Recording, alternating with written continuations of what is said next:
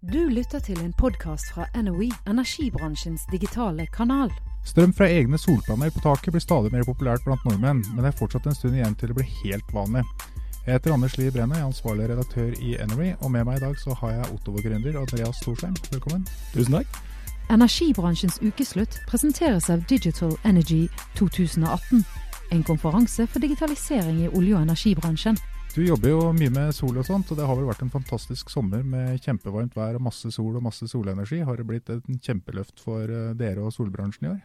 Ja, Sett med klimaøyne så har det vært en dårlig sommer. Sett med, med solbransjeøyne så har den vært veldig god. Her har man på en måte fått i pose og sekk. Mest solrike sommer noensinne. Økte CO2-priser og nokså høy strømpris i hele Skandinavia.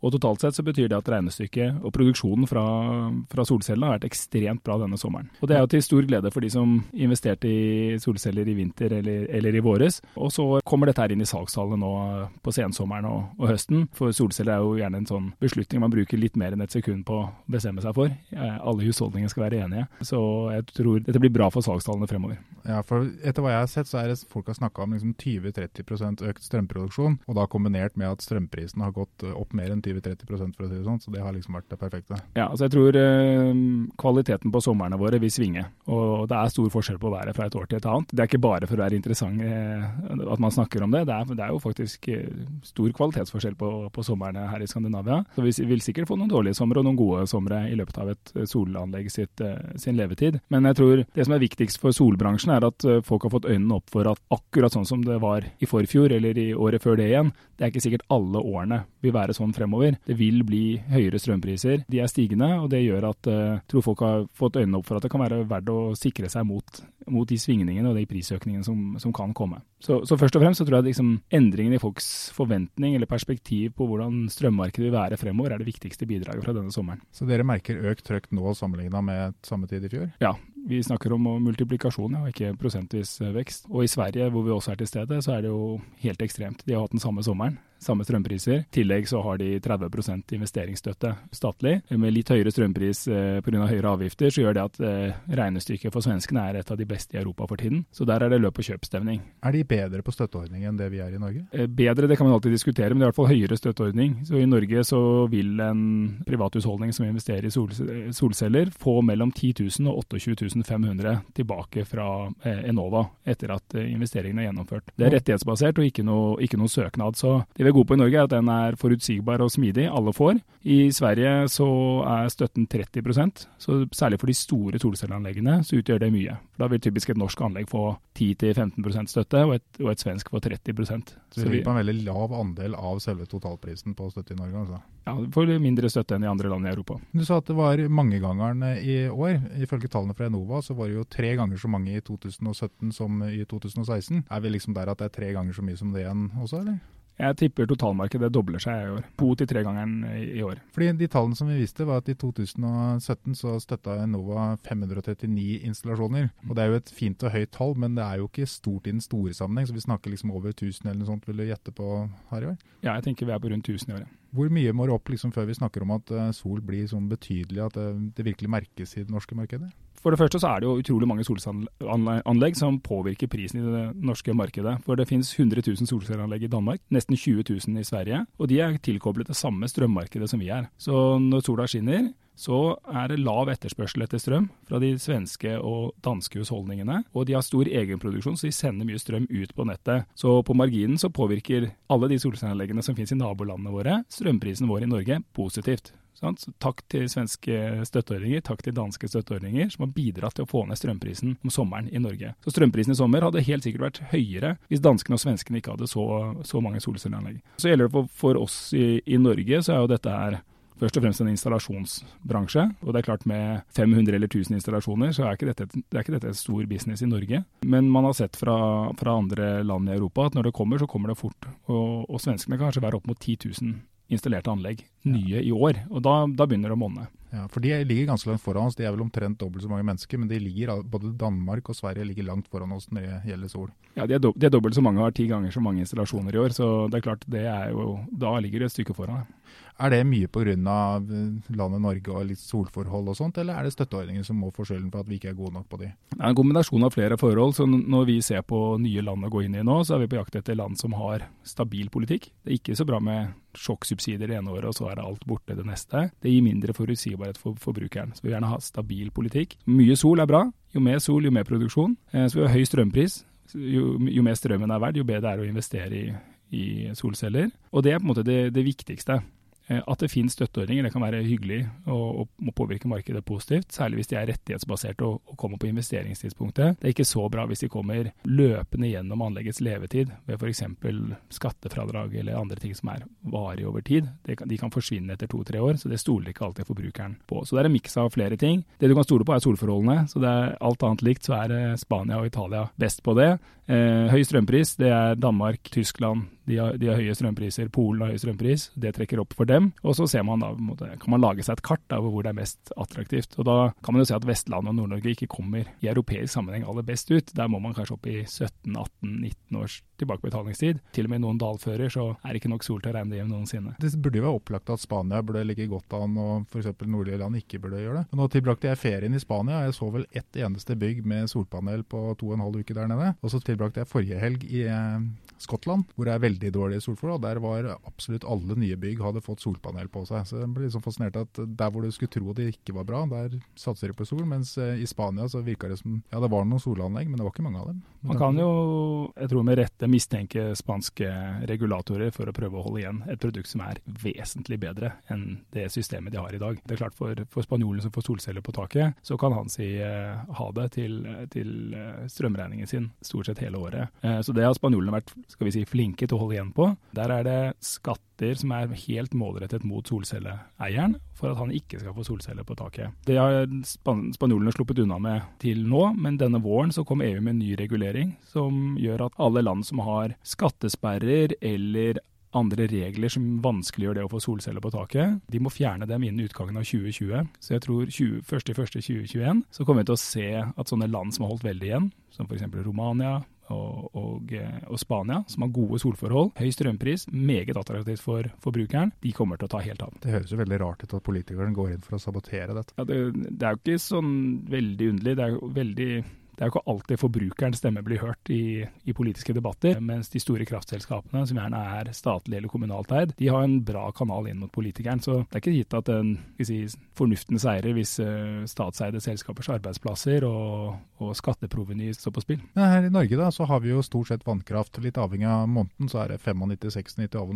og til 97% av strømmen vår kommer fra vannkraft. Og de eies jo stort sett av kommunale og fylker og sånt. Men uh, det virker jo som kraftselskapene er positive til solpanel? Ja, det er jo en av de store fordelene med vannkraft, er at det er et kjøretøy som kan bremse. Kan holde igjen vannkrafta. Det har jo ikke gass og kull samme evnen eh, til. Um, så har du vannkraftverk, så kan du jo på en måte vente ut sola, og så levere lønnsom produksjon på, på andre tidspunkter på døgnet eller andre tidspunkter på året. Så dere opplever egentlig at den tradisjonelle norske vannkraftindustrien er positiv til at dere er inne og bidrar med solkraft eh, sånn ved tiden? Ja, da to av de store produsentene har investert i oss, og vi opplever en positivitet eh, der. og jeg tror eh, Man ser jo også at flere av eh, de store kraftselskapene, Eidsiva, Lyse og Trønder Energi, før de ble solgt til, til Fjordkraft, prøvde seg med solcelletilbud til sine kunder. Så vi opplever ikke noe sånn voldsom negativitet på det. Energibransjens ukeslutt presenteres av Digital Energy 2018 en konferanse for digitalisering i olje- og energibransjen. For sånn som Nettselskapene de, jo, de har jo monopol på sin virksomhet, og så er det regulert hvor mye de får ta i pris.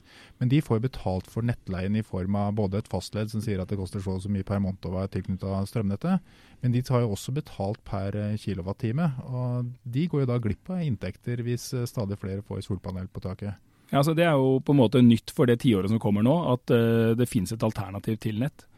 Monopolisten får, får konkurranse ved at energi kan produseres og lagres i nodene, og ikke bare sentralt og transporteres ut. Det er en endring som ligner på det man har sett i IT f.eks., hvor pendelen svinger fra om det er lurest å, å lagre sentralt eller ute i nodene. Der svinger det fort. I energimarkedet så har det ikke svingt på 100 år, da vi begynte å lage sentrale kraftverk og, og elektrisitetsnett. Men nå svinger makta utover igjen til forbruker og, og næring og, og, industri. Brukerne ytterst i nodene. Og det vil jo helt sikkert ha innvirkning på inntektsbildet til nettselskapene. Men i det store bildet, hvis man klarer liksom å tenke over de måte, forbi de utfordringene som sikkert kommer i det neste tiåret, så kommer vi til en situasjon hvor det er grunnen til at nodene tar over oppgaver, er fordi de kan gjøre det billigere eller bedre. Det er bedre å lage krafta der den brukes. Slipper vi kraftledninger og gravemaskiner og, og sånt imellom. Og, og, det samme er hvis jeg kan lagre den eh, og utligne den, det problemet som er at jeg ikke nødvendigvis produserer når jeg forbruker, med batterier, med elbilen min eller med smart styring av hjemmet mitt, så er det effektivt for samfunnet. Så vi gir jo forbrukerne muligheter. Vi gir muligheten til å ha lavere karbonavtrykk, billigere strøm i fremtiden. Men vi skal nok gjennom en, noen tøffe debatter på fordeling ja. mellom de som skal holde nettet gående i mellomtida, og, og de som uh, får uh, ny teknologi som gjør at de kan omgå taksameteren som, som finnes i dag. For Det virker som solpanel både har noen positive innvirkninger, men også noen potensielt negative innvirkninger på nettet. For På den ene siden så skal jo nettene oppgraderes for eh, De første estimatene var 140 milliarder kroner over ti år. Og Da snakker man om en økning i nettleieprisen på 30 ja. Så på den ene siden de, kan, de, 140 milliardene er jo i stor grad ja, besluttet, de, de snuker på det. Så de, men de, de har jo nedjustert litt, for de snakka at nettleien vil øke med 30 og så har de nedjustert anslaget til 23% Så på den ene siden så kan da solpanel redusere behovet for utbygging, slik at den kostnaden tas noe ned. På den andre siden så betyr det at det blir eh, færre å dele utgiftene på hvis eh, stadig flere tar solpanel hjemme og sånt. Hvordan opplever du den debatten? Det, er en, det er uh, åpenbart en debatt vi kommer til å, å, trenge å ha. Jeg tror det aller viktigste punktet å ta debatten er på investeringstidspunktet. Er alle kronene nettselskapene bruker strengt nødvendige? For Det er det smarteste stedet å si nei. Hvis det, vi kan slippe sløsing, hvis vi kan vurdere alternativer til å bygge ny trafo, legge en ny ledning, så er det ikke noe å fordele hvis vi unngår kostnaden. Hvis vi først må, så er det riktig da er det en fordelingsdiskusjon. Og Det kan både samfunnsøkonomer og ingeniører og politikere helt sikkert bidra til å, å, ha en bra debatt rundt hvordan vi fordeler. Men det viktigste er å unngå de unødvendige investeringene. I dag så er insentivene for nettselskapene satt opp sånn at hvis de har et problem, f.eks. For, for lite effekt i et område, så har de et virkemiddel, og det er jo å bygge ut. Svaret for dem vil alltid være mer stål, litt sånn enkelt sagt. Og det får du igjen ved at de har en en ordning hvor eh, man får betalt etter hvor mye man har investert. Så, så svaret fra, fra, en nettutbygger vil være jeg har for lite av noen ting i et område, jeg må bygge en ny trafo. Mm. Uh, og hvis den trafoen koster 50 millioner, så er det 50 millioner kroner økt nettleie for de som bor i det nettområdet. Men vi stiller oss ikke spørsmålet kan vi unngå å bygge den trafoen. Kan det hende at de menneskene som bor bak den trafoen, kunne koordinert seg til en kostnad som var f.eks. 49 millioner kroner, eller 48 millioner kroner, eller sågar kanskje bare én. Kanskje de ville tenkt vi, vi kan samkjøre elbilladinga vår. Vi, kan, eh, vi, har flere som jobber på nattid og sånt, de trenger ikke å ha samme rytme som de andre. Kan, her kan vi koordinere. Det kan mennesker eller selskaper organisere seg ut av. Ja, for Her virker det litt som at det som er spesielt med strømnettet, er jo at du må dimensjonere for den høyeste belastningen. Det er ikke som veitrafikken at vi kan tåle å stå litt i kø og sånt, det nytter ikke med strømmen. Men vi har jo høyest belastning på dagen når sola skinner og solenergien vil virke. ja, men Det er som om man dimensjonerer eh, veiene etter at alle kjøre, måtte kjøre bil.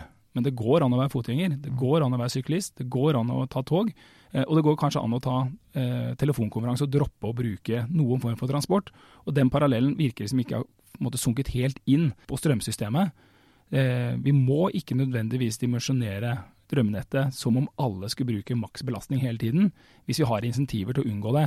Og jeg tror det er utrolig viktig nå at nå har vi fått eh, AMS-måler inn i norske hjem. Alle har hatt en, en, mann eller en dame på døra for å, for å skru den fast i, i, i, veggen. Og sånn sett så er 2018 det siste året vi har muligheten til å ha en dum debatt.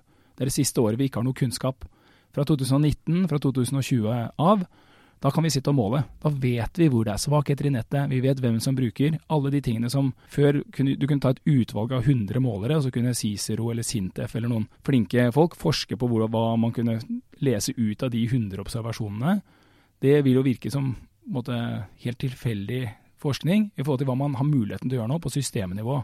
Så jeg tenker at det er utrolig viktig at de som er ansvarlige for strømsystemet, både i nettselskaper, strømselskaper og regulator og politikere, tenker at la oss for all del ikke ta forhastede beslutninger nå, det siste året vi ikke veit hva som skjer.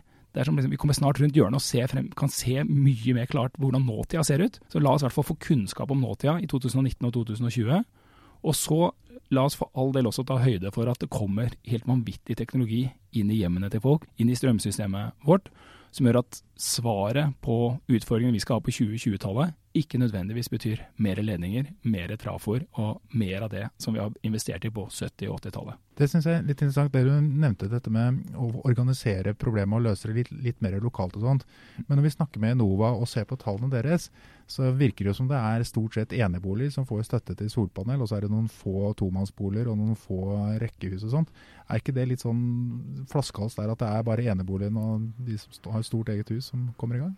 Ja, altså, Enova gir støtte til privatpersoner, om de bor i rekkehus eller tomannsbolig. Det går også helt, eh, helt, fint. Det er ofte litt mer koordinering ved at alle skal se like ut og sånt. Så det, vel, det ligger mer på beboerens eh, side enn på Enova. Så det er mer et estetisk problem? Det er et mer estetisk problem. at Hvis du har tre like hus ved siden av hverandre, så, så spør kanskje han som bor der om, om det er greit for naboen at han tar seg solceller på taket. Så da blir det tre eller ingen ofte. Men de kan helt klart få individuell støtte. Eh, det som Enova skyr unna, er jo ting som klassifiseres som ulovlig statsstøtte til bedrifter.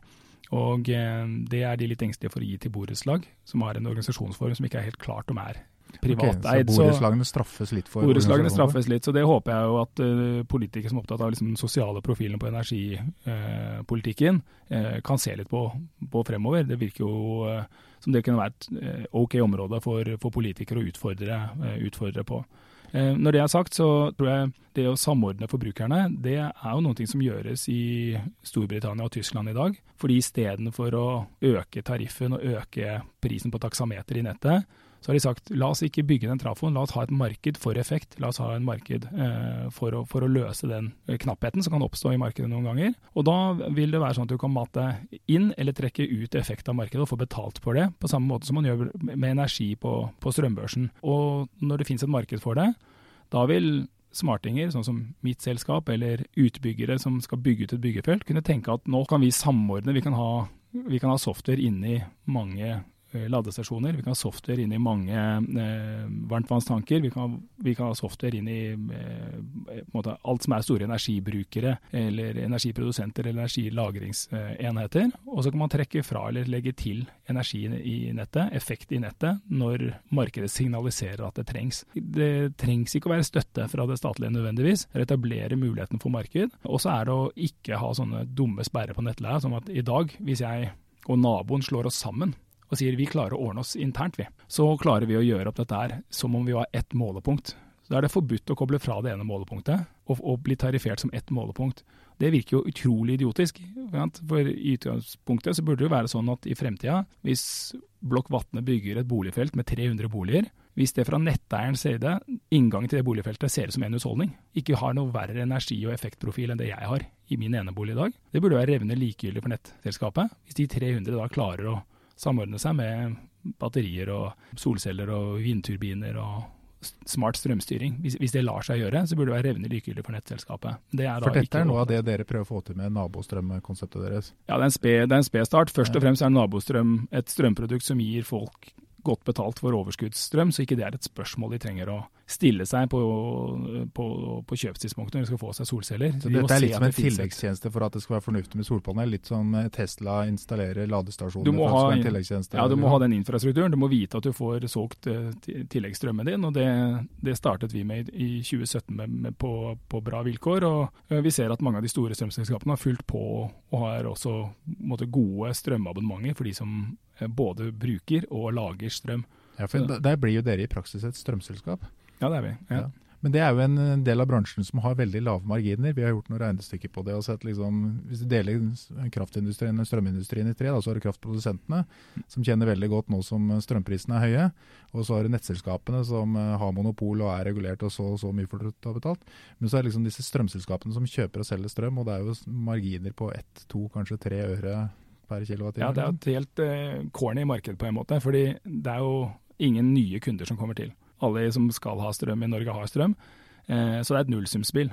Eh, men, men, i strømbransjen så er det helt utvilsomt sånn at hver eneste kunde som noen vinner, er det en annen som, som taper. Du får ikke til nye, nye strømkunder. No, nesten ikke. 99 sånn er jo er bare nullsumspill. Så verdiskapningen fra strømselskapene er jo nokså moderat. Eh, den var det sikkert da strømmarkedet ble deregulert. For da var det da var det så stor forskjell i effektivitet at du kunne skape verdi ved å være effektiv. Men når alle har en strømpris som er som spot pluss nada, så, så, er det klart at verdi, er jo verdiforslaget og, og eksistensgrunnlaget for hvert av disse strømselskapene helt totalt marginalt. Og det ser du på regnskapene som dere har gått gjennom. De selger strømmen til spot. De må kjøpe strømmen til spot. Da blir det nesten null margin imellom der. Strømkundene i Norge er prisjegere. Og så lurer du på hvordan kan de gå rundt da?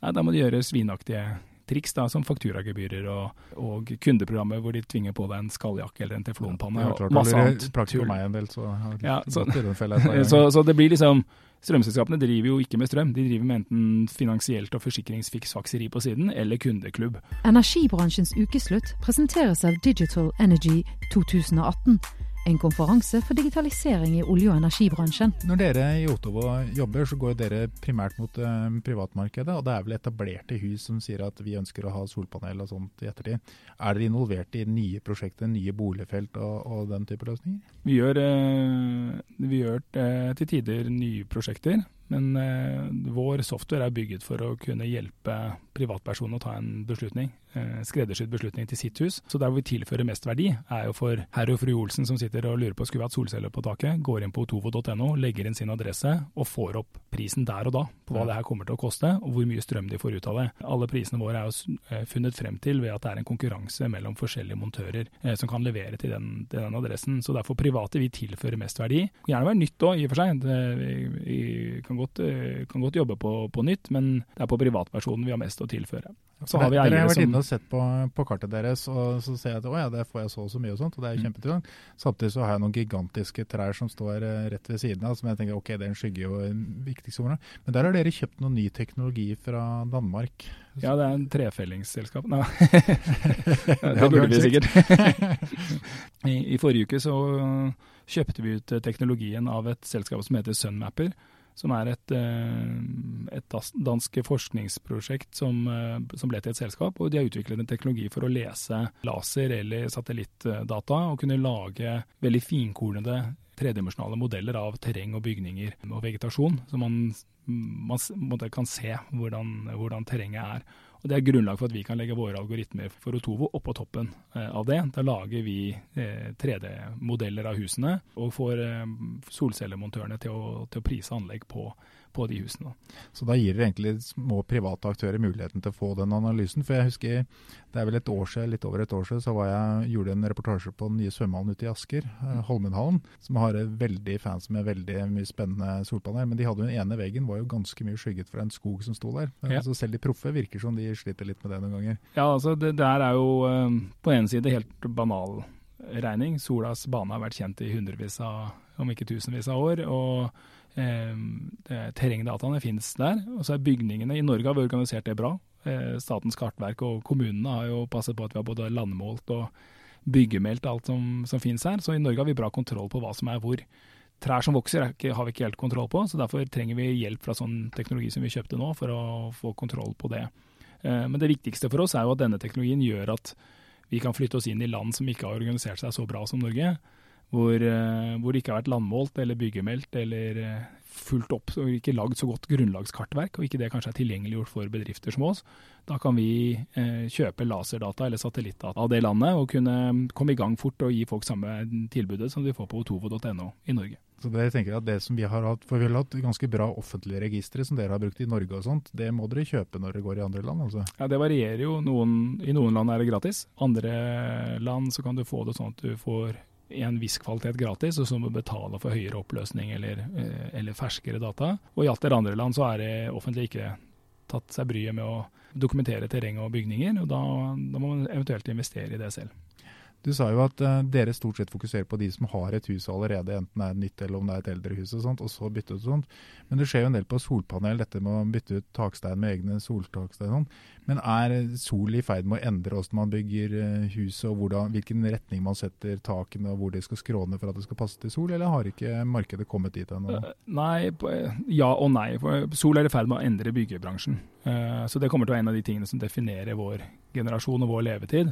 Det er at eh, solceller eh, kommer til å snike seg inn i, inn i rekkverk og fasadeplater og, og takmaterialer nå i løpet av de neste 20 åra kommer ganske snart til å se tilbake på hus som blir bygget nå, og tenke hvorfor i helsike hadde dere ikke solceller noen steder? Men så er det også nei, fordi vi har hatt en byggeskikk som er opptatt av å få sol inn i husene våre. Så i Norge så er jo ofte taket 30 graders vinklet, og det gjorde vi jo for å få solvarmen eh, om vinteren. Eh, det gjør at sola varmer opp snøen og den sklir raskere av på våren. Så husene våre er jo på en måte optimert for å utnytte sola i utgangspunktet. Og også vi mennesker liker jo liksom at stuevinduene er vendt mot syd, da.